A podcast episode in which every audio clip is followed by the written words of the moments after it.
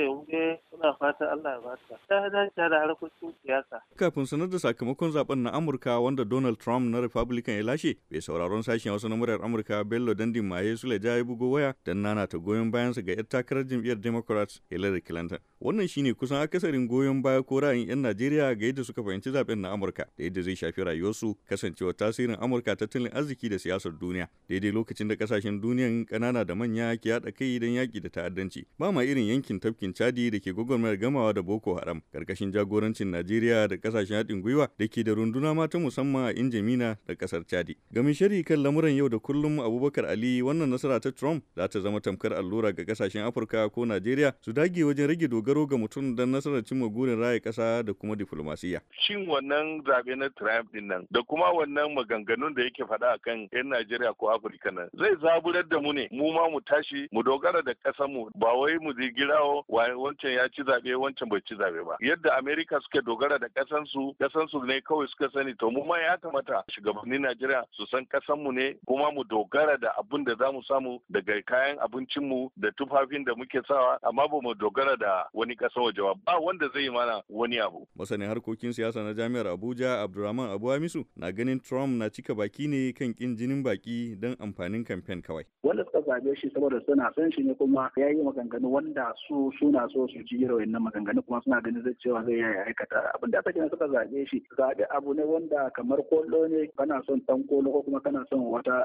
ƙungiyar buga ƙwallon kuma sai ka ga wanda ka fi so ma shi aka kada to ya zaka yi zaka mutu ne ko ka kada kanka dole ne kawai a ɗauke shi yanda ya zo kuma ya ci. Wanda kuma yake magana su da ce masu sata ne ko kuma masu shan miyagun ƙwayoyi ne sai ce to wayan ba su da sana'a. Amma wanda yake magana su mutane ne wadanda suna karawa kasa arziki da sauransu ba wajen iska ba ne ba ya dame shi da su. Wato abin da yake faruwa kaya talauci ne ya mamaye mutanen Amerika saboda yanayi na tattalin arziki a Amerika kuma shi Trump ya gane cewa mutanen Amerika suna tare da talauci. To me zai faɗa da zai sa shi ya samu kuriya. Ya gane cewa abin da suke so shine su samu aikin yi. Sai ya yi musu alkawari zan kore wayannan mutane sai in ƙwace ayyukan su in baku kuma suka ce to ba da suka mara mishi baya. A yare yanzu ya zai kora mana in ma zai iya in man zai kore su ina za su samu ina za su samu kuɗin? Kana magana mutane sama da miliyan goma ba wai yana jira kare ba ta ina zai fara shekaru nawa zai yi to aikin da zai yi kenan a gama mulkin sa